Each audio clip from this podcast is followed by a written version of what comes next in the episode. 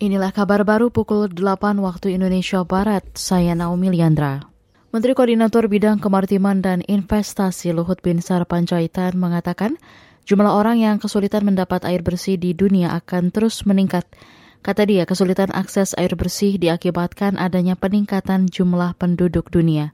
Penambahan ini diikuti menurunnya kualitas lingkungan yang menambah masalah pada sumber daya air, pangan, dan energi. Ini menunjukkan betapa pengelolaan akses air perlu diperhatikan secara bersama.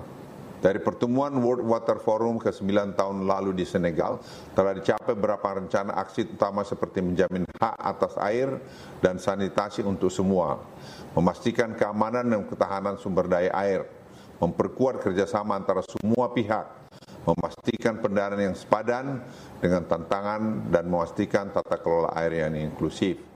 Menko Marinvest Luhut Binsar Panjaitan saat acara Forum Air Dunia kemarin mengatakan akses air bersih dan sanitasi menjadi elemen terpenting dalam pembangunan berkelanjutan. Ia mengajak untuk terus berkomitmen terhadap pengelolaan air untuk kepentingan dan kesejahteraan bersama. Pengamat ekonomi dan KOR, Muhammad Faisal, mendorong pemerintah memperkuat sinergi kebijakan antar kementerian. Tujuannya untuk meredam dampak resesi di tingkat global. Nah, oleh karena itu bauran kebijakan fiskal, moneter, dan juga sektor real. Nah, di mana uh, apa uh, peran daripada Kementerian Perdagangan ini adalah di bawah kebijakan yang kaitannya dengan sektor real ya, termasuk di antaranya adalah distribusi, memastikan distribusi yang lancar. Nah, itu yang harus sinergi untuk me, apa, me, meredam dari dampak pelemahan uh, ekonomi global.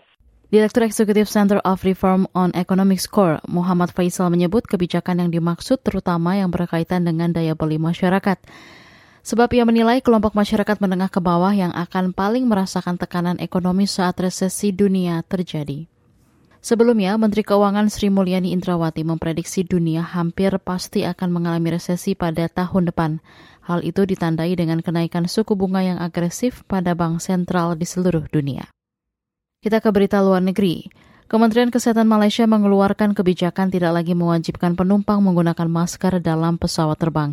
Menteri Kesehatan Malaysia Hairi Jamaluddin melalui keterangan tertulisnya mengatakan, keputusan itu diambil berdasarkan penilaian situasi COVID-19 serta dengan mempertimbangkan kebutuhan saat ini.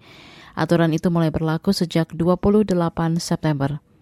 Meski begitu, Kemenkes mendorong pemakaian masker bagi yang bergejala seperti demam, batuk, dan flu, termasuk bagi lansia serta mereka yang berpenyakit kronik individu dengan imunitas rendah dan ibu hamil. Menkes Hairi mengatakan keputusan tersebut dibuat menggunakan pendekatan berbasis risiko dan telah memperhitungkan kasus COVID-19 di Malaysia yang saat ini lebih terkendali. Saudara, demikian kabar baru KBR. Saya Naomi Liandra undur diri.